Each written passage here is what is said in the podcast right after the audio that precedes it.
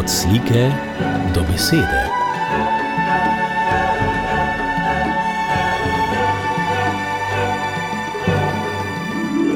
Od slike do besede.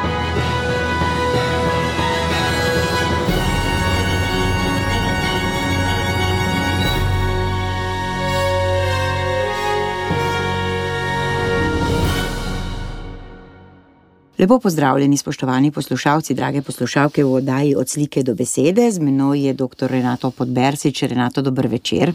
Pozdravljeni, gospod Mateja, večer. Nocoj nimate nobene knjige, ne predstavljava eh, nobenega dela. Ste kot predsednik zgodovinskega društva, ki ga se mi zdi ne poznamo dovolj dobro, pa bi nam predstavili, kdo je to društvo, kakšna so vaša prizadevanja, kaj počnete, kaj je vaš namen vašega obstoja. Torej, hvala najprej za povabilo v studio Radio Ognišče. Uh, res je, uh, naše društvo je bilo ustanovljeno 19, 2017. leta, prav na 100. obletnico uh, Majniške deklaracije, tako pomembne za narodno bit slovencev in tudi slovenske, bomo rekli, državne misli 20. stoletja. Uh, imenuje se naše društvo Slovensko zgodovinsko društvo za novejšo in sodobno zgodovino. Torej, pokrivamo predvsem uh, že omenjeno široko paleto delovanja zgodovine zadnjih 200 let, recimo, tako da nekako postavlja uh, približno te časovne premice. Uh, naše društvo ima sedež v Ljubljani, seveda združuje zgodovinarje in zgodovinarke iz vseh slovenskih pokrajin, tudi različnih, bomo rekli, raziskovalnih usmeritev poklicnih, tudi bomo rekli, imamo tudi uh, profesorje, učitelje, raziskovalce, imamo tudi ljudi, ki se ukvarjajo, uh, bomo rekli, ljubiteljsko za zgodovino, in pa tudi nekaj duhovnikov. Torej, gre za društvo, torej dokaj mladega nastanka, društvo, ki poskuša biti um, dejavno na slovenski družbeni sceni. Uh, Uh, organiziramo razna predavanja, potem tudi ekskurzije, kar nekaj uspešnih ekskurzij smo pripravili um, v zadnjih letih. Nekoliko je zavrlo naše delovanje epidemija COVID, oziroma zaprtje um, širše evropske družbe zaradi te epidemije. COVID-a, in pa seveda potem pripravljamo tudi uh, pogovorne večere. Nekaj časa smo recimo tudi na spletu delovali, ker razmere drugače niso bile mogoče. Uh, smo se pa letos odločili, da podelimo prvič družbeno nagrado za najboljšo monografijo uh, v zadnjih štirih letih, pred letom podelitve. Uh, nagrada se imenuje Historija Moderna Viva. Gre za najboljše zgodovinopisno delo, ki je išlo v zadnjih štirih letih, torej imeli smo štiri leta od 2018 do 2022. In sicer uh, vzeli smo v obzir vse, bomo rekli, um, predloge, ki so prišli pisno na naslov našega društva. Prišlo je osem predlogov, utemeljenih, ki so jih pripravili uh, ugledni slovenske zgodovinarke in zgodovinarji. Sveda je bilo nominiranih osem, oziroma predlaganih osem monografij v obdelavo. Uh, komisija, uh, sestavljena iz petih, eh, štirih članov društva, plus predsednik, ki ni član društva, ampak je naš eh, sodelavec, eh, dr. Aleš Maver, ki je bil predsednik komisije, smo izbrali tri najboljša dela. Tukaj bi izpostavil ugledne avtorje.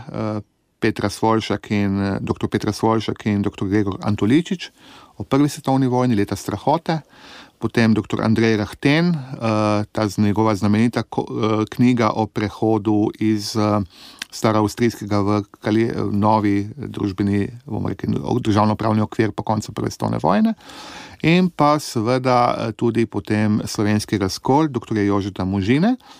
Komisija je imela težko delo, treba priznati, in izbrala je na koncu delo Jožeta Možine, slovenski razkol, ki, bomo rekli, zelo dobro opisuje razmere na slovenskem med drugo svetovno vojno, tako italijansko okupacijo, kot potem eh, začetki odpora, revolucije, proti revolucije, tudi kolaboracije in seveda uh, zelo plastično orisuje razmere v srednji Sloveniji, južni Sloveniji v letih zlasti 41-42, ja do razpala Italije 1943. Se pravi, te knjige gotovo morajo biti dobro prvič znanstveno delo, drugič napisane tako, da bi si lahko zaslužili nagrado. Ampak kaj je po vašem mnenju pretehtalo eh, pri knjigi dr. Jožeta Možine da ste se odločili za nagrado. Je, kaj je pretehtalo skozi torej, vaše eh, strokovne oči? Ta vaš uvod eh, je pomemben, ampak ne odločilen. Glejte, knjiga mislim, da je imela sedem natisov, mislim, da je po natisov, mislim, da je 18 tisoč ali še več izvodov prodal avtor, ampak to je, če hočeš, nočeš njegov problem. Ne, če smo malo tudi pošaljiva, nas je zanimala znanstvena odličnost, konec koncev gre za eminentnega zgodovinarja, Eh, tudi sociologa, novinarja, publicista, poznanega v širši javnosti, ampak mi pri našem izboru nismo ocenjevali širše javnosti. Mi smo ocenjevali točno njegovo, bomo rekli, eh, zgodovinopisno delo, znanstveno delo, ki je dolgo več kot 600 strani, 620, pa še kakšna zraven. Tudi ne gre samo za kvantiteto, gre za kvaliteto. Eh, kolega dr. Jože Možina je tukaj opravil veličastno delo, ne na zadnje gre za knjigo, ki je nadgradnja njegovega doktorata, ki ga je zagovarjal na filozofski fakulteti, na oddelku za zgodovino Univerze v Ljubljani. Gre za knjigo, ki je monumentalna, temelji na novih virih, novih spoznanjih, to je eh, odtehtalo pri izbiri. Uh, izpostavil bi široko paleto zgodovinskih virov, ki jih je avtor uporabil, od, uh, bomo rekli, uh, ljubljanskih arhivov, potem italijanskih arhivov, arhiva Kominterne v Moskvi, uh, privatnih arhivov, naslanjal se je tudi na ustna pričovanja, ki jih kot avtor desetletne oddaje na slovenski sceni, oddaje televizijske pričevalci, pripravlja. Ampak bi pa vseeno izpostavil uh, gradivo, ki je to, kar Čršič predstavlja slovenski javnosti, zelo zanimivo. Zelo lepo prikaže delovanje Eh, revolucije in tudi posledično proti revoluciji na slovenskem v začetku okupacije. To je arhiv akademskega društva Straža, ki je kot nekakšna časovna kapsula, ki je dolga desetletja ležal zakopan na neznani lokaciji, ki je bil potem uh, strani prizadevnih ljudi izkopan, Jože ga je detektiral. Uh, to gradivo je bilo potem iz Kangel za mleko Eh, izzeto ven, posušeno uh, in uh, analizirano ter obdelano v njegovi doktorski dizertaciji in posledično tudi v knjigi. Nekateri najbolj zanimivi dokumenti so bili tudi v, kot faksimile predstavljeni v sami knjigi, analizirani seveda in uh, njegova knjiga kot nekakšna, bomo rekli, časovni pregled od predvojnega delovanja, uh, Eh, organiziranosti tako meščanskih strank, kot tudi komunistične partije, takrat še prepovedane začetkov uh, narodno-osvobodilnega, tako imenovanega narodno-osvobodilnega boja, revolucije. Odnosa italijanskih okupatorjev, odgovor meščanskih strank na italijansko okupacijo, to je vse minuciozno razdeljeno in analizirano, prikazano v knjigi. In zdelo se nam je, da je res opravil Jože veliko delo, zlasti še, ker je tukaj uh, seveda vzel kot uh, primer, kot eksemplar, mislim, da sedem krajev, sedem vasi, ki so bile podvržene revoluciji, revolucionarnemu terorju že v letu 1942. Uh, še pred nastopom kakršne koli oborožene proti revoluciji, če hočete, vaških straž, in to seveda spravil v uh, celovito enoto, Avtor ima tudi lep jezik, je to bralcu uh, nekako približal na uh, zanimiv način. Čeprav je besedilo znanstveno, je hkrati tudi dobro berljivo in se ga kar lepo bere, in pa seveda s tem tudi zapolnjuje pomembno temno liso poznavanja naše polpreteklosti na slovenskem ja. in drugostano vojno. Edino eno slabo stvar pa ima ta knjiga, človek jo težko bere v posteli. Ja, je težka. To bi se moral popolnoma strinjati z vami. Knjiga je težka, tako po vsebini, kot tudi, seveda, po težini. Uh, ampak, veste, prav to je odtehtalo pri naši izbiri za nagrado Historija Moderna Viva. Gre za znanstveno delo, podkrepljeno z dokumenti, z številnimi opombami pod črto. Grafi tudi ne. Grafi, seveda, ki so dodana vrednost knjige, ki zelo plastično prikažejo tako sezname žrtev. Eh, kot povzročitelje med drugo svetovno vojno na slovenskem, kot primerjavo med domačimi žrtvami, okupatorjevimi žrtvami, in to bralca seveda uh, utrjuje v njegovem poznavanju druge svetovne vojne. Veste, tu ne gre za publicistično delo, avtor je uh, se potrudil in vsako trditev, ki jo v knjigi obelodanja, ki jo analizira, seveda tudi podkrepi z ustreznim uh, arhivskim ali literarnim ali literaturnim ali pa pričevalskim verom. In seveda tukaj je potem težina, o kateri govoriva.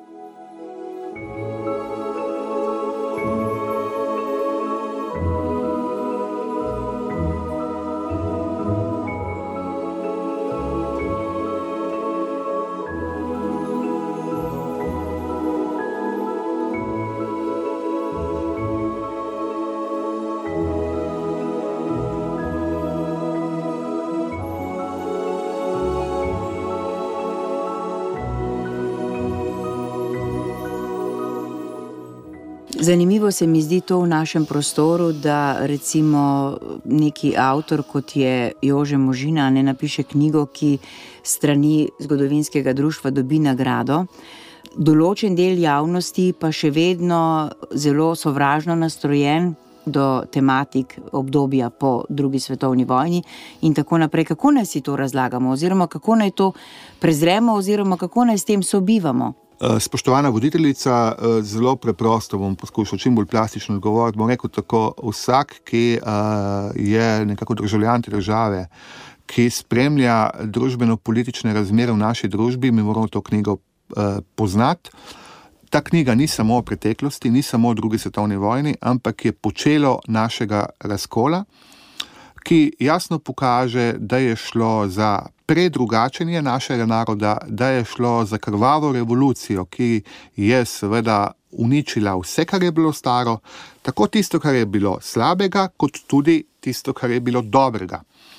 Da z revolucijo ni nastopila svoboda, kot se veliko krat eh, danes govori in piše, da je prevelik del naših uh, rojakov in rojakin trpel, da je Slovenija plačala previsoko če, uh, ceno za tako imenovani narodno-smodilni boj, da je 6,7 milijona žrtev, uh, pardon, procenta žrtev druge svetovne vojne šlo tudi na rovaš revolucije in proti revolucije, da je naš teritorij uh, utrpel 100 tisoč mrtvih na vseh straneh, na vseh frontah, torej plačali smo narod, ki je imel približno milijon in pol prebivalcev, 100 tisoč mrtvih na tem ozemlju.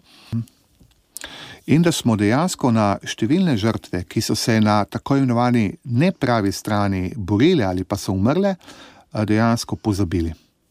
In treba je povedati, da ta knjiga, nagrajena knjiga, odstira marsikatero tančico preteklosti in seveda tudi te manj popularne teme spravlja pred slovensko javnost. Mhm. S katerimi obdobji se pa eh, posebej ukvarja vaše društvo, oziroma ali so to na ključne teme osvetlite, na ključna obdobja, odvisno od strokovnjakov, ki pač pokrivajo te stvari in pišejo eh, knjige? Tako je, gledajte, naše društvo sprejme vsako leto na občnem zboru seveda svoj program delovanja. Kot smo že omenili, bil je v krnjem preteklih letih zaradi epidemije COVID-a. Uh, Studimo se, da je dogajanje čim bolj uh, razpršeno, da ni vse samo v Ljubljani, tako da pripravljamo tudi ekskurzije, tudi bili smo po Soški fronti, pa, pa ne samo po Soški fronti. Recimo pred tremi leti smo imeli zelo zanimivo ekskurzijo po poteh um, kočevarske dediščine. Uh, Slovenije, po teh kočevarjev, ki jo je pripravila naša podpredsednica, tudi dejavna članica, dr. Helena Jaklič, ki je tudi sama deloma kočevarskega rodu.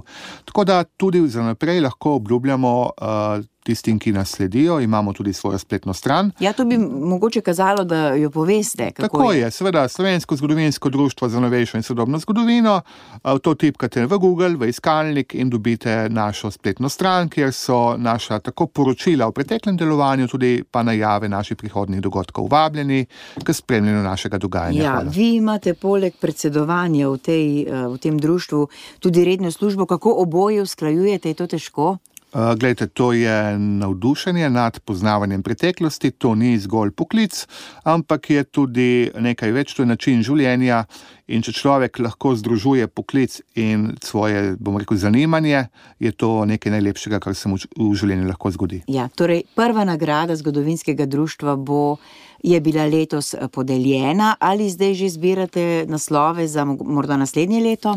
Ja, tudi zainteresirano javnost vabim, razpis bo odprt čez štiri leta, da znova podelimo nagrado. Ne vemo še komu uh, za leta od 1923 do 26-27, ko bomo izbirali novo nagrado. Kako pa ocenjujete zanimanje za zgodovino v Sloveniji? Uh, jaz mislim, da je veliko, tako na znanstveni ravni, strokovni, kot tudi na uh, področju širše javnosti.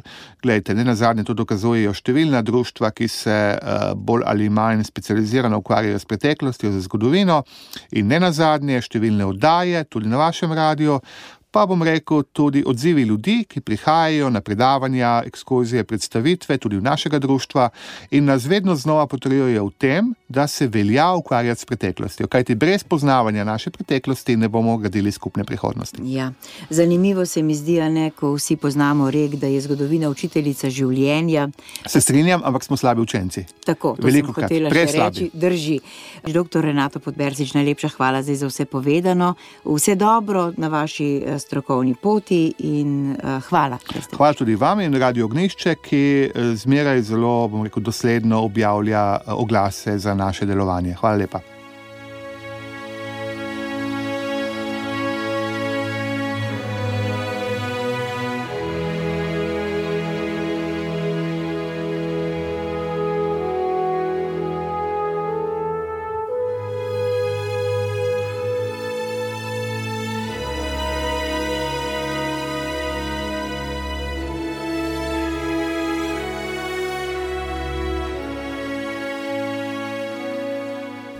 Slišali smo torej predsednika zgodovinskega društva, ki je dr. Jožetu Možini podelila, podelilo nagrado, prvo nagrado.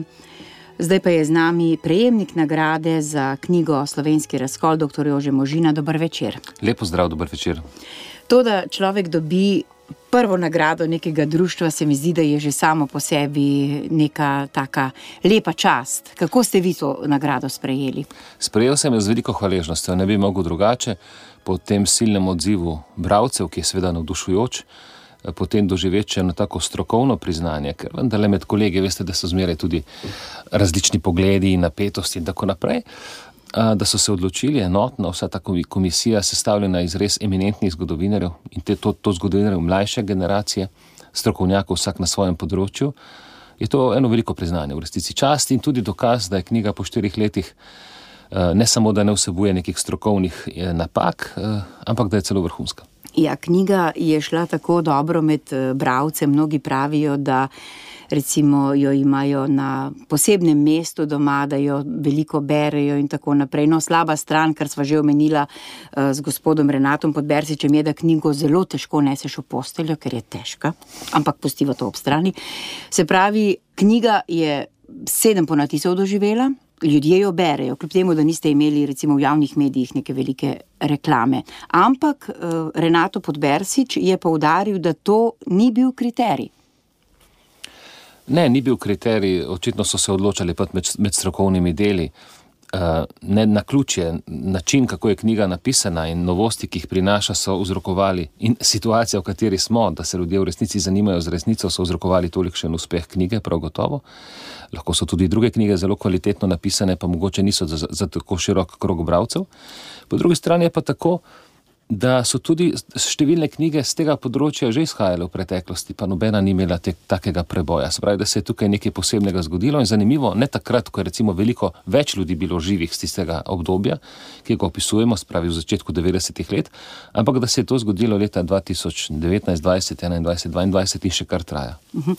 Ravno to sem hotela zdaj vprašati. Eh, ta preboj, kaj je ta nevralgična točka? Je to čas, v katerem smo nekako dozoreli, da so se nam res nekako odprle oči tudi za to tragiko po vojni pobitih, so to obiski vaši v arhivih in ali ste že takrat, ko ste zbirali vsta material, rekli ste, da ste postili nekako 20 let svojega življenja v tej knjigi, slutili, da bo knjiga doživela tak uspeh? Ne, sploh ne. Jaz sem sicer se zavedal, da je tema izredno pomembna. Eh, res sem se zelo potrudil, da sem eh, jo obdelal na, na način, kolikor sem le zmogel. Končno sem doktorat, ki je osnova knjige, naredil tri pa pol leta prej, bi ga lahko tako izdal, izdal in bi bila knjiga uspešna. Ampak sem se v resnici res, moram reči, iz odgovornosti do teme, ki je, ki je težka in je za slovence ključnega pomena, da jo razumemo, sem se odločil potem preveriti še številne druge vire in jih vključiti pričevanja in tako naprej, da je knjiga res neka zaključena celota, kot bi rekel, nek betonski blok z močnim oklepom in da ne razpade. V tem ne mislim v dobesednem smislu, tudi na tiste najkvalitetno. Se tukaj zahvaljujem grafiki Soča, so odlični zelo korektni. Ampak je tudi v vsebinski plati ta najbolj zahtevna, prestižna tema v slovenski novejši zgodovini, ki se je tudi kolegi niso lotevali, ker je to vroč kosten. Je, je tukaj napisana, hvala Bogu, in tukaj moram tudi reči, res hvala Bogu še enkrat, ker se sploh ne morem predstavljati, kako sem vse to pravzaprav sestavil skupaj na tako težki, težki temi, kjer so viri zelo razpršeni na tako monumentalen način. In tukaj dejansko vidim božji prst, ne bi mogel sam vsega tega. Ja. Glede na to, da so ta dejstva že dolgo znana, bi človek pričakoval, da bo vzniknila še kakšna podobna knjiga, čeprav nekaj jih je že. Ali pričakujete, da bo morda kdo od sodelavcev, ki delujejo v muzejih in imajo nekaj več časa kot vi na televiziji, napisal še kakšno strokovno delo, zbral še kakšno gradivo, ki verjetno še kje leži? Zelo dobro vprašanje, eh, kolegica Mateja. Ja, jaz včasih pogrešam, ne? končno sem jaz, eh, dobro, sem zgodovinar po osnovni izobrazbi in tako naprej, in sociolog, vendar delujem na drugem področju, novinarskem področju. Tukaj ta tema je nekako me je prinesla, ki se je desetletja urojevala eh, v meni in sem pač naredil na tak očitno uspešen način v zadovoljstvo bravcev in tudi vaših poslušalcev. In se čudim kolegom, ki so zaposleni na inštitucijah, ki so posebej zadolžene samo za raziskovanje in da nekako objavljajo neke članke in tako naprej, ampak teh velikih tem ampak, ali pa celovite obravnave tem se pa redke eh, lotevajo, seveda so velike izjeme, ampak vendarle veliko je tudi takih kolegov in tukaj se res sprašujem. Mislim, za javni denar je treba včasih pokazati tudi več in tudi več poguma, ne samo brkljati tam po nekih malenkostih. Vem, da bom koga užalil, ampak tako dejansko mislim in tako je. Res pa je tudi, da seveda generacije, v katerih smo, da se vse čaka, da bo na telefonih, da bo na računalnikih, da bo na Googlu, medtem ko je tukaj zgodovinarsko delo v tej klasični obliki še vedno delo v arhivu, delo z viri, ki je izredno komplicirano. In uh, tudi, tudi mogoče se, uh, se bravci včasih ne poznajo razlike med zgodovinsko knjigo in monografijo in pa recimo nekim zgodovinskim delom je velika razlika, ali gre za neke spomine nekoga, ki je zgodovino, ki je tisto dobo preživel. Ampak to ni zgodovina tiste dobe, to je vir za zgodovino tiste dobe. Medtem ko zgodovinar, ko piše, ko obravnava določeno temo, je dolžan upoštevati različne vire uh, z tistega obdobja, sploh nasprotujočih si strani, jih vključiti in potem tudi napisati referenco, odkje je to prišel. Tako da tudi ta mo moč takih monografij v tem, da si bralec lahko v bistvu samo stvari mnenje, ker potem preveri, da je v tem viru, to je v tem viru, ta pravi tako, ta tako. Ne, resnica je pa taka, sam in, in ko, ko sam dozori v spoznanju te resnice, je ta, uh, to spoznanje toliko močnejše, ne, ker ni napisano tako, pa tako je bilo, ampak je ponujeno. Uh -huh. In zato je tudi moč te knjige tako velika. In res bi kolega spodbudil, da se lotijo velikih tem, ne brklat po podstrešju, ampak dajmo skozi glavna vrata nastopiti. In so še številne druge teme, ki jih je potrebno obdelati v drugi svetovni vojni, arhivi so zelo bogati. Uh -huh. Ena odlika te vaše knjige je tudi jezik, ki je mestoma celo poetičen, bi lahko rekli, to tudi drugi pohvalijo. Verjetno je nekaj daru za to potrebno, ampak najprej pa je to, da človek res v globino poveže vse niti, da lahko suvereno potem napiše. Ne? Ja, zdaj, zdaj ki se tukaj malo hvalimo. Ne, ja, bomo... Dobili ste nagrado. ja. A veste, da včasih, ko potrebujem kakšen pasus iz, iz knjige eh, in ga potem preberem in nekam umestim, mislim, se po svoje čudim, ali se dobro sem napisal. Ne? Sem imel pa tudi uh, dobre prijatelje in sodelavce, ki so mi tudi pomagali. Dobro, ampak pisanje, kar se sloga tiče, ja, drži. Uh, to mi je tudi uh, takrat mentor doktorata, dr. Mitja Ferenc, uh, ko je, mislim, da sem v prvih 40 strani prenesel, je rekel: Ja, imaš pa ta klep jezik, to se bo dobro bralo. Ne? Kljub temu, da je tema težka in zahtevna in da je to knjiga strokovna, najvišjega ranga, ampak se poljudno bere. Ja, to je neka, nek blagoslov, ne? mogoče tudi nekaj daru in tudi posledica nečesa, da sem, so se me te stvari dotaknile, da sem jih resno vzel. In da sem vendarle bil zgojen še v tistih časih, uh, ko smo upoštevali literaturo, ko smo veliko brali, uh, veliko razmišljali, mogoče tudi na drugačen način. Zato je besedni zaklad, uh, upam, da se zdaj ne oži, ampak nekoliko širši. Ja, to je pa upanje, res ne vem zakam. Uh, še to bi vprašala, ko ste pisali knjigo, brskali po arhivih in delali diplomo. Ne? Najprej je bilo to mišljeno, da bo diploma in potem doktorat. Uh, doktorat ja, ja. Kdo vas je spodbudil k razširitvi in, za knjigo? V bistvu sem se sam zavedal tega. Uh, takrat so mi rekli po doktoratu, jaz nisem doktorata pisal, v bistvu je bilo tako. Ne? V doktorat sem upisal v dobri veri, ker nisem vedel, kaj se bo na televiziji dogajalo, ker so stalni vihari, da mogoče z eh, te javne ustanove ne bi zmeraj, ne bi, ne bi, bi mogoče bilo kdaj treba tudi oditi. Uh, To je bila neka ambicija, tako intimna. In potem, seveda, nisem naredil nič, ker me so mi dokumentarci potegnili o Petru Peki za močanje moč preživetja in tako naprej. In pričevalci spod, in pričevalci, ja. zraven. In to mi je vzelo, seveda, fokus. Potem, ko je ta stvar bila pred zastaranjem, ne, ko bi bilo treba vračati denar in tako naprej, no, vidite, to je dobro, da so taki roki, me je to prisililo, no, da sem vrgel v drugo predstavo, se obrnil drugam in začel, začel to delati. Uh, Koliko časa, truda, napora, življenja, fokusa zahteva, da človek potem do konca naredi doktorat in da od sebe? Jaz bi posebej počastil vse tiste avtorje, ki so izdali monumentalne knjige. Jaz se zdaj, zdaj bolj cenim. Jaz sem eno, nekateri so jih veliko, ne?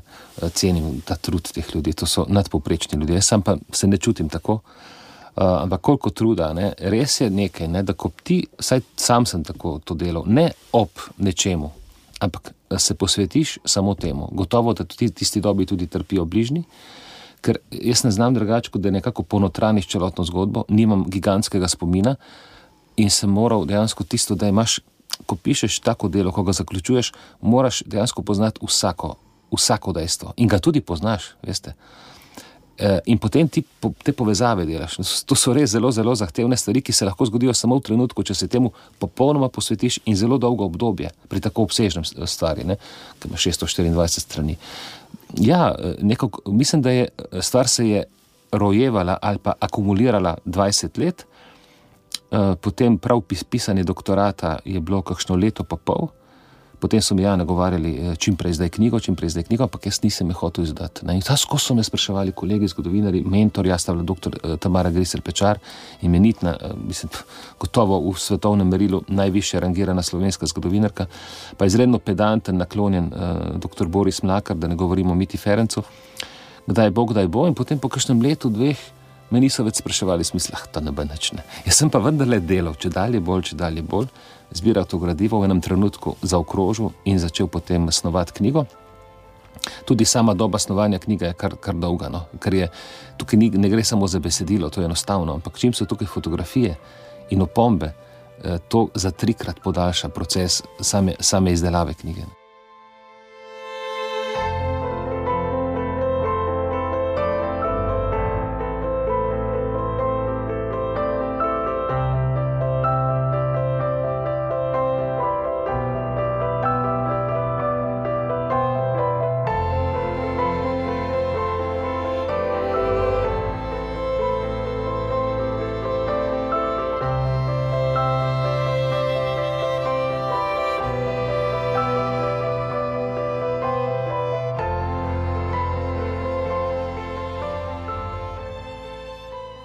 Kako si pa potem razlagate, recimo, to, da določen del slovencev z navdušenjem sprejema to vašo knjigo, vas sprejmejo, ko jo predstavljate. Toplo, prisrčno, dvorane so polne, ljudje ploskajo, se vam približajo, povedo morda kakšne zgodbe, opozorijo na kakšnega še novega pričevalca in tako naprej. Na drugi strani pa odkrit odpor, sovraštvo tudi znotraj vaše hiše. Ja, po svoje je to logično, seveda je žalostno, ampak je tudi logično, ker je zanimivo, da so vse te kritike. V resnici sem pričakoval, da bodo kritike, da bodo konceptualne, da bodo strokovne kritike. Aha, tega, to ni dobro, to ne drži. In tako z argumentom proti argumentu, ne z besedo. Ne? Z besedo, ti ta turenška, vse je laž. Ne? Dobro, v redu, da ima se poglobiti v zadevo. Ampak veste, da ni bilo niti ene, ampak res niti ene, bile so razne klevete, ampak niti ene strokovne kritike, ki bi poskušala omajati katero koli tezo, ki je v knjigi navedena. To je fascinantno, to je tudi mene presenetilo, ker verjetno bi se dalo. Ne? Ne, kritike grejo v to smer, če sa ni v knjigi. Ja, čak te knjiga ima 624 strani, milijon stvari ni, ampak tisto, kar je, je obdelano dovolj celovito, da, da je teza, ki je postavljena, da drži. E, Poleg tega knjiga seveda ima, ima ne ene tri kvalitete, ki, ki so jih bralci opazili, razen tiste velikosti, ki ni za posteljo, to sem sigurno 10-20 takih kritik doživel. Stvar, ampak to je bilo mišljeno tako malo s humorjem. Ja, ja s humorjem, ampak to so, bile, mislim, to so mi ljudje resnici napisali ali pa rekli. Ne, uh, to drži. Recimo ena taka stvar je, uh, kar ljudje tudi zelo cenijo, so grafi. Ne? Zgodovinar, ko ima natančne podatke in tukaj so iz žrtoslovne baze, eh, žrtve druge svetovne na slovenskem, na vseh straneh, to to je uradna zadeva, ne? ni to neka partikularna, eh, so izdelani grafi, ki, ki kažejo časovnico poteka druge svetovne vojne z vidika civilnih žrtev in pa tistih, ki so jih povzročali po mesecih. Ne? In tukaj, tukaj, v tem trenutku, ko je to to je zelo težko ta graf narediti. Uh, jaz sem imel idejo in pomagal pri izvedbi, mi je dr. Mitja Štuler. Ne? Taki brihtni ljudje so bili, so bili takrat ob meni. Tako tudi je božja previdnost. In poslušaj, to se v enem grafu, ki je osnovno podatkovno orodje za razumevanje začetka in zapleta v drugi svetovni vojni, tej osrednji Sloveniji, je, je to v enem grafu skoncentrirano. Ogromnega dela, ampak to je samo na pol strani. Uh, in to, to je recimo ena velika kvaliteta. Grafo, mislim, da je 38 in tabel. In kaj ti grafi pokažejo?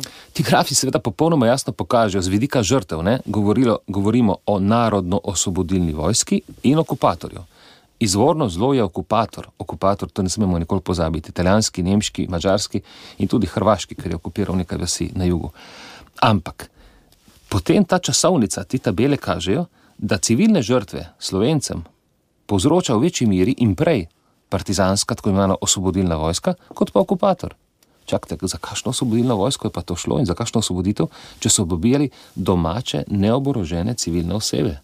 In to v trenutku, v obdobju, ko je bilo recimo tukaj v Ljubljanski pokrajini, ajde 640 partizanov, ocenjuje eh, dr. Tone Ferenc, ali pa potem pozneje Maja je bilo 1500, medtem ko italijanskih okupatorjev pa 40, v času ofenzive, kasneje celo 70 tisoč. Ampak povzroči ta relativno mala števila, številna partizanska skupina, ki seveda ni bila vsa ekstremna, ampak ti ekstremni vrhovi, likvidatorski, morilski, so pobili ogromno civilnih ljudi, ogromno žensk tudi, veliko otrok kot kolateralna škoda. In tukaj se postavljajo temeljna vprašanja, na katere ni odgovora. V nekem trenutku so pobili celotno romsko populacijo, spomladi 42, ki jim je prišla v roke. Jaz sem v knjigi tukaj postavil tezo, da je šlo za genocid. Mislil sem, da bo kdo to napadal. Nihče ni tega napadal. Ker, ker je utemeljeno, sto procentno, kaj se je dogajalo. In, in odgovornost partizanskih poveljnikov, štirje so še vedno narodni heroji, ki so v to upleteni, je nedvoumna. E, tako da to, je, to so te kvalitete, in potem, verjetno, kot tretja, e, kot tretja pa, no, jih je več, ampak recimo tretja je pa tudi ta. E, Da so pričevanja uh, upletena noter. Ne? Ker dokumenti so suhoparni, z dokumentov, sploh v tisti dobi, ni, ni čustev v teh zadevah. Uh, Eh, zelo, zelo redko, zelo, zelo redko. Da se jih slutiti, ampak čustev običajno ni. Medtem ko so se ljudje pa takrat, seveda, ni čutiti, ni ne samo čustev, ampak tudi stiske ljudi tistega časa. Medtem ko pa pričevanja, ki sem jih v zadnjih, eh, zadnjem desetletju in več eh, posnel, pa dajo to čustveno resonanco, zato in ta pričevanja so uporabljena v knjigi kot sekundarni vir, ne kot primarni. In to, to mislim, da bralca zelo pritegne in navdušuje, ker res dobi plastično predstavo o tem, kako, ne kaj, samo kaj se je dogajalo, ampak kako so ljudje to doživljali in na podlagi česa so se odločali. Ker pogosto so se morali odločati, ne glede, mislim, celo proti svoji izbiri, ampak so bili prisiljeni v eno, drugo, tretjo stran. Uh, to, to je gotovo. Pač ta, in ta še ena komponenta, ki, ki pa to knjigo razširja na področje, ki ni samo zgodovinarsko je pa ta epigenetski dodatek ali pa tudi govor o spravi, eh, to so zadnja poglavja knjige, eh, kjer predstavim to zdaj že utemeljeno tezo, ne, zdaj že to dejstvo, da se uh, najhujše preizkušnje v človekovem življenju in vojna je seveda torišče takih preizkušenj v praktično vseh slovenskih družinah, da se ne poznajo le v nekem vzorcu oblaš, obnašanja, ne rečejo, ta je pa čuden, ker je bil v vojni in tako naprej, ampak da se gensko prenašajo preko genov, da se dedujejo tudi na potomce. Kaj to v praksi pomeni? Lahko naprimer pomeni, da vnuk, pravnuk, pravnukina trpi za nek, neko sledjo travme svojega prednika, ki ga sploh ni poznala, ni poznal. In, in te stvari so fascinantne. In ko to govorim tudi na teh predavanjih, vidim, kako ljudi to pritegne in razume, in vsak razmišlja o svoji zgodbi, zgodbi, o zgodbi svoje družine. Način, zdaj tukaj je več razlag, kako to vpliva, kako to pride. Če se travme ponavljajo, vidite, vidite da smo mi narod travm, ne, da smo poškodovan narod, to ne pomeni, v redkih primerih to človeka okrepi, v številnih drugih primerih travma, hoče reči ampak v številnih drugih primerih pa zniža raven kortizola, to je pa stresni hormon, se pravi, da smo bolj občutljivi, manj odporni na izzive časa. Zato in ko seveda način, kako se s tem spopasti, je zelo zapleten, lahko je prek terapij, lahko je seveda prek, prek duhovne rasti, mogoče še bolj primerno, ampak. Ključna točka se je pa tukaj pokazala, da se najlažje soočimo tudi s travmami, s svojimi, svojimi družinskimi travmami, na način, da spoznamo to zgodovino. Mi ne bomo na ta način ozdravili, ampak to je prava pot, ker potem so stvari bolj logične, ko so bolj logične in bolj racionalne, jih tudi ponotranimo na bolj ustrezen način. Ja, ko sem o tem govorila z nekim psihiatrom, je rekel, da je odgovor na naše težko obdobje po vojni in med vojno in še nazaj. Tudi alkoholizem. Mi imamo tretjino prebivalcev, ki so tako ali drugače obremenjeni, recimo z alkoholom. Tudi to je način reševanja, ne travme, alkoholizem. Absolutno. Lejte, bom povedal en primer, ki je zelo zanimiv. Uh, sem imel pred nekaj leti enega pričevalca iz Argentine in ta pričevalec je omenil, da je bil gospod Bitenc, uh, hud primer je bil, uh, njegov oče je bil. Partizanski oziroma ne domobranski časnik, ki je bil tako drzen, da je po vojni bil tudi profesor matematike, sicer, da je po vojni prihajal v Jugoslavijo, ne, tajno. No, in pa je da ta zgodba razkrita in so ga v bistvu doma aretirali. Ta sin, 16-letni, takrat je, jih je peljal do spalnice, ker je bil oče in ni mogel pozabiti tega pogleda očeta, ne, ko so prižgali luč, ko so posvetili v njega oznovci in ga likvidirali in seveda so ga, so ga ubili. Ne kot je bilo v tistih časih. In tudi oba sinova, tudi tega 16-letnega, so zaprli. In tam jih je imel, on je omenjal enega udbovca Sineta, po imenu Sine, ki je, sin, ne bi rekli, ki jih je pač tam obravnaval. Ne? In pazite, eh, ko je bilo to objavljeno, se do mene oglasi en mlad gospod, tam mal tri, čez 30 let, da bi rad govoril z mano. No, potem, seveda, težko je kar vse eh, sprejeti, ker je teh eh, želja zelo veliko. Ampak potem mi je pisal in sem videl, zakaj gre. Je rekel, jaz se želim, eh, ta sin je bil moj staroče. Uh, glejte, in je bil, kasneje sem ugotovil, sem ga najdel tudi, ko sem delal knjigo, je bil tudi likvidator, morilec, ne? med vojno je bil v Dolomitskem odredu. In, uh, glejte, on se je popolnoma zapil, in že moj oče ni imel nič od njega. In jaz bi rad, in tudi jaz potem ne, ne, ne največ od očeta, in jaz bi rad to, to ne, prekletstvo, družinsko prekinil in bi se rad temu gospodu v Argentino opravičil. Lejte, to je nekaj posebnega. In še en tak primer sem potem doživel. To je tudi prava pot, seveda, do sprave. In zanimivo je napisal eno izredno lepo pismo. Je, on je bil, mislim, tehnični poklic, nek elektro, neki tazga računalničar. Zelo lepo pismo odposlal temu gospodu v Argentino. Ta gospod je bil pa en redkih, ki je bil, imel nek srd v sebi. Pa kdo bi, bi, bi mu to zamiril, ne, ta gospod Bitenc. No, ampak je odgovoril tako lepo temu nazaj da, on, da ne se on nič ne obremenjuje s tem, da on ni nič kriv za svoje prednike in da je bil ta sine, se ni bil tako slab, se enkrat nam je voda prinesel in tako naprej. Veste, to, to so te zgodbe, kako se pravzaprav travme tudi zdravijo. Ker Mi si predstavljamo, da, da je bila samo ta stran, ki je nam mogoče bolj znana, da so bili samo oni žrtve, ne? samo ljudi, ki so trpeli zaradi komunizma in tudi fašizma na primorskem in tako naprej. Dejansko so bili velike žrtve tudi tisti, ki so bili potisnjeni, pogosto tudi proti svoji volji. Premaj bi bilo rečeno nečedne posle, tudi umoritve in vse to, v oznovsko delovanje, v povojne pomore ker so izredno trpeli in ker ste omenjali alkohol, rejte, to je pravilo, kamorkoli grem, mi pripovedujejo o likvidatorjih, ki so spali pri eh, odprtih lučeh, povsod po Sloveniji, kjerkoli sem bil, in ki so številni vzeli konec, ali jih je alkohol pobral, ali, ali pa so se sami prej pobili, ker je ves, vest neizprostna. Ne.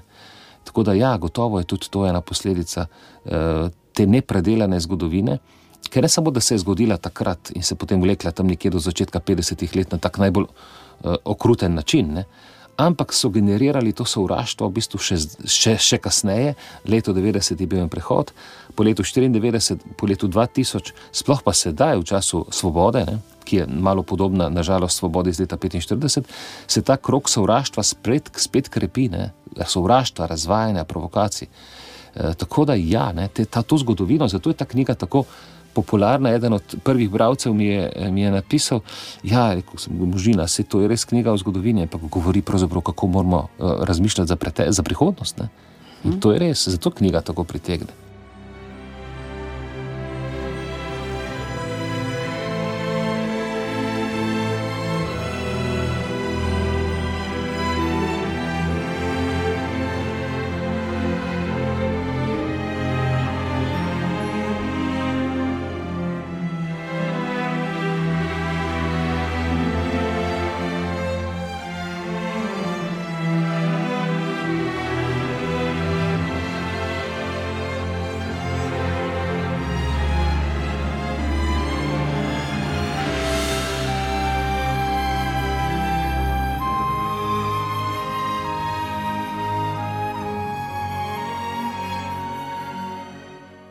Se mi zdi, da je knjiga ena stvar, za katero ste dobili pač nagrado, in smo veseli, da knjiga je, da se dobro bere, da pokaže na to zgodovino, eh, o kateri nismo slišali na tak način, kot v knjigi pišete. Druga stvar se mi zdi pa eh, pričevalci. To je izjemen opus. Koliko ste jih že naredili, kaj vam eh, priprave in snemanje teh oddaj? Eh, pomenijo, ali je to arhivirano tako, da bo res tudi za prihodnje rodove, ker se mi zdi to izredno dragoceno, konec koncev bo teh ljudi vedno manj. Seveda, seveda. teh ljudi je že zdaj zelo malo. Uh, reč, ravno včeraj sem posnel gospod, to je eno leto staro, izredno zanimiva zgodba. Mislim, ko je ona hodila v šolo, mislim, da bi stara 12 let, ali ko je bil ubit kralj Aleksandr leta 34, to je neverjetno, ne, da take ljudi še najdemo in še čilega uh, zdravja. zdravega. Ja, ja, ja, ima tudi en poseben. Poleg pričevanja me potem tudi včasih zanima tudi malo bolj osebne stvari, naprimer, kako ste vi, zakaj ste vi tako čila. In tudi to uh, ljudje povedo in je zanimivo. No, potem boste tudi vi dočakali visoko starost. Če bi, seveda, če bi, upošteval, če bi upošteval to, kar mi ljudje povedo, ampak veste, to, to, je, to je mogoče bolj tak žalosten del zgodbe. no, lejte, seveda je tle nastaven velik opus, je tako okrog 240 pričevanj posnetih. To je veliko, številne smo zamudili. Eh, to včasih tudi kar malo vest peče, ne, to smo zamudili, to smo zamudili, ampak vendarle še najdemo zelo zanimive ljudi.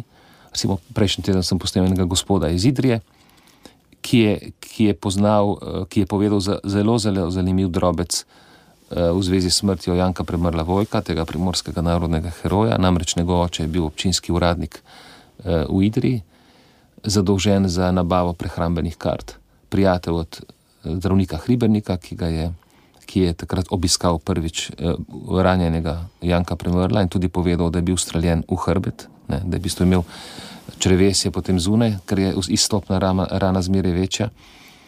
In, uh, in uh, Hibernik, on je kot otrok slišal pogovor med njima, ne, da ga v drugič sploh niso pustili več tja. Tako zelo zanimiv detajl. Eh, ki počasi tudi eh, sklada skupaj zgodbo. In tako tudi na številnih drugih področjih, predvsem v Dražgošah. Tudi sam imam izziv, pa ne me zdaj vleč za besedo, ker nekateri, ja, kdaj pa to bo, ne, ne vem. Ampak bi bilo dobro napisati eno knjigo o resnici v Dražgošah ali pa resnica o Janku Premrlu Vojku. Gradiva je tukaj kar velika, ampak seveda terja energijo in čas, red, poleg redne službe in družine je to težko. Ja. 240 eh, pravite, da je posnetih teh pričevalcev. Me zanima, pa je morda zdaj to priložnost, če kdo sliši in pozna koga, ki ima zanimivo zgodbo, da se vam nekako na elektronski naslov eh, javi. Vsega seveda verjetno ne boste mogli narediti, ampak katere zgodbe se vas najbolj dotaknejo? Je zelo, je zelo različno. Ja. Ja, bi prosil, da se taki ljudje oglasijo, sploh 90. Plus, v tem primeru je ravno obratno. Starejši, ko si, več je to vredno. Dobro, ne velja to absolutno, ampak včasih se ponujajo ljudje, ki so dobrih 70.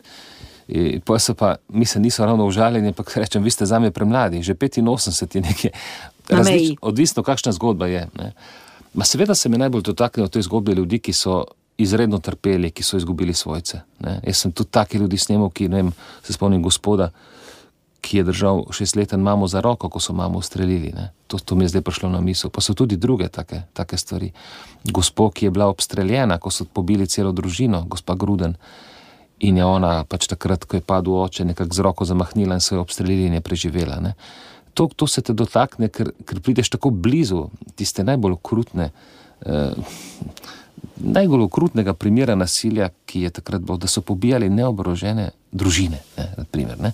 Tega nasprotna stran praktično ni počela, počel je okupator, ko je bil izvan. Ne. Take stvari. Pa tudi, tudi mogoče včasih me pretresajo osebne pripovedi. Ne gospod tam izgore na Dajdoščino, ne.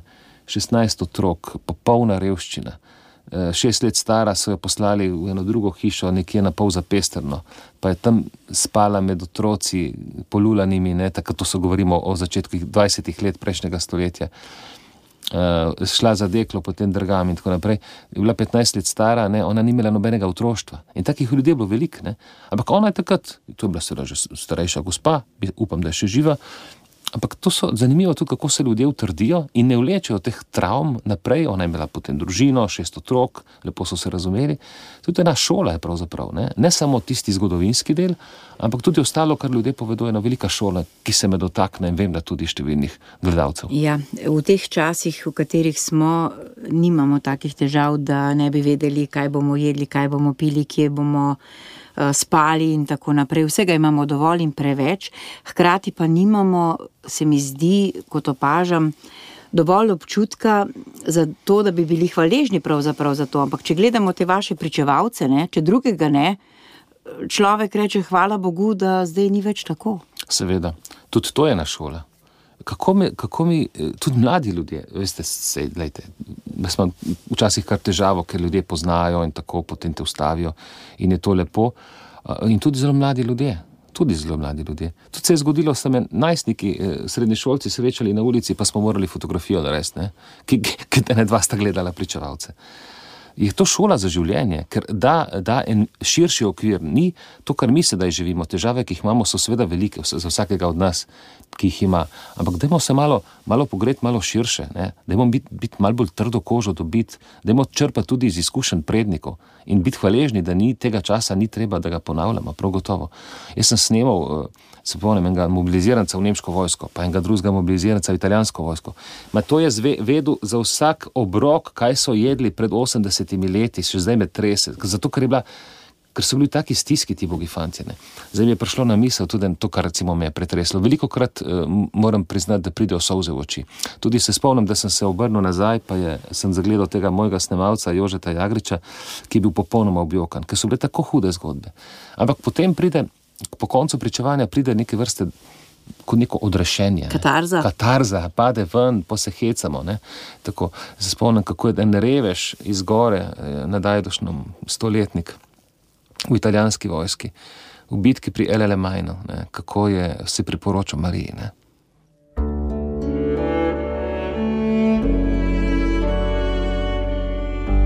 Poslušate podcast Radia Ognišče.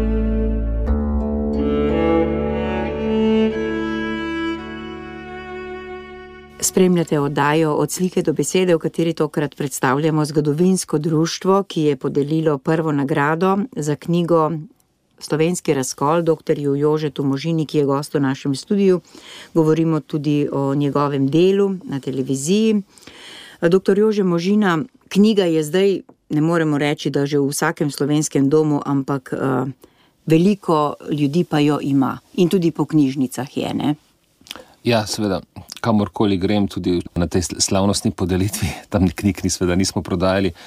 Ampak sigurno sem jih nekaj deset podpisov, ko so ljudje doma prinesli. Ne? Tudi tak fenomen je, da je od teh silnih tisočev izvodov, ki so šli med ljudi, da sem jih približno šest tisoč sam podpisal ne? v vseh teh štirih letih. Ne?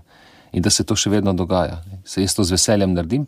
Imamo tudi poseben postopek, se knjiga na pol odpre, podpiše, zapre, spakira z veseljem. Ne? In očitno ljudje to cenijo, zakaj pa ne. ne? Ja, je to, to en, res en, en, tak, en poseben blagoslov. Pa tudi ti obiski, teh, uh, zdaj gremo v Trbovlje. Ne? Bili smo v Kubaridu, potem je Logatec, pa Ljubljana, dvakrat. Uh, tako da ljudi to tako pritegne in da pride toliko ljudi. Je pa res, da sem v zadnjem obdobju ta pričevanja nekako še aktualiziral z aktualnimi primeri slovenskega razkola, ne, ki jih mhm. vidite, da se dogajajo v naši družbi mhm. strani vladajoče politike. Ali vam je naporno poleg rednega dela, torej snemanja pričevalcev, pa verjetno boste še kakšen dokumentarni film naredili, za katere ste bili tudi nagrajeni, um, težko oboje peljati, delo in predstavitve knjig še vedno? Ja, takrat pred korono bi lahko bil skoraj vsak dan na predstavitvi, pa se neko več kot dvakrat ne, ker uh, Dobro, lejte, vseeno daš, daš srce. Ne? To, ni, to, ni, to ne moreš povedati mimo grede, ker tema ta, ni taka in ker tudi sam nisem tak. In daš seveda tam svoje, no, v nekem smislu, prenesenem smislu, daš svojo, svojo dušo na, na plano in tako da ne moreš pre, pretiravati s tem. Uh, ampak ja, mislim, seveda je naporno, ampak tako se da. Enkrat, dvakrat uh, na teden se to da, da narediti, ali pa vsaj recimo enkrat na teden, če sem iskren. Uh, se ta to, to naredi, sicer je pa naporno, gotovo tudi, ne, tam te izčrpane. Ja, no, poleg tega nismo omenili še nobenega vašega utripa, vemo, da imajo zelo veliko gledanost, ali so kolegi na televiziji ljubosumni, ker točete rekorde. Ja, tako kaže. tako kaže. No, res ne razmišljam o tem, mislim, da sem, kaj pa vem, dobrih 20 let bil star, ko sem, pa tudi doma smo bili tako vzgojeni v nekem, neki načelni drži, pa nič ne idealiziram. Ne. Uh, pravi, da se svojega prepričanja ne skriva, da se ga mora povedati. Je to en kraški pregovor, ker moja nona je skrasen. To oče včasih rekel. rekel neč na bodi, neč na reči, dvakrat neč. Ne? Se pravi, ne? je treba pač povedati. Pa, jaz imam veliko ljudi, ki potem me za rokave čukajo, pa dajte to, pa dajte to. Ja, v redu, da ima vsak od nas po svojih močeh v javnem prostoru, v družbi povedati, ne pa biti preplašen. Uh, tako no.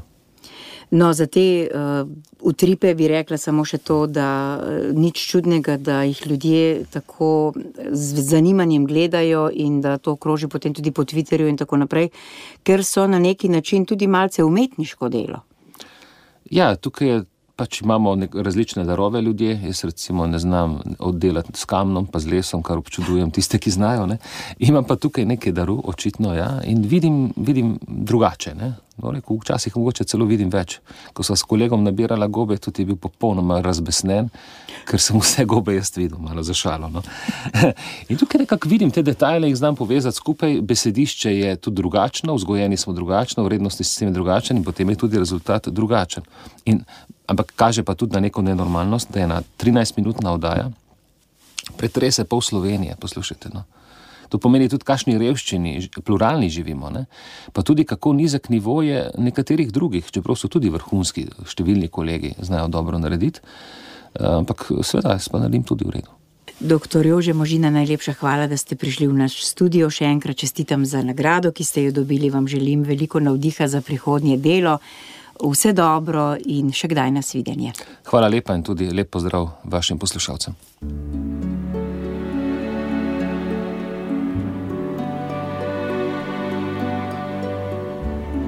Od slike do besede.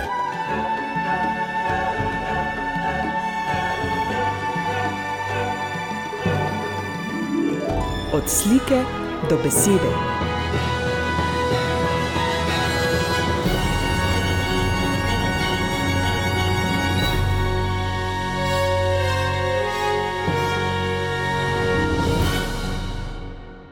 Hvala za poslušanje.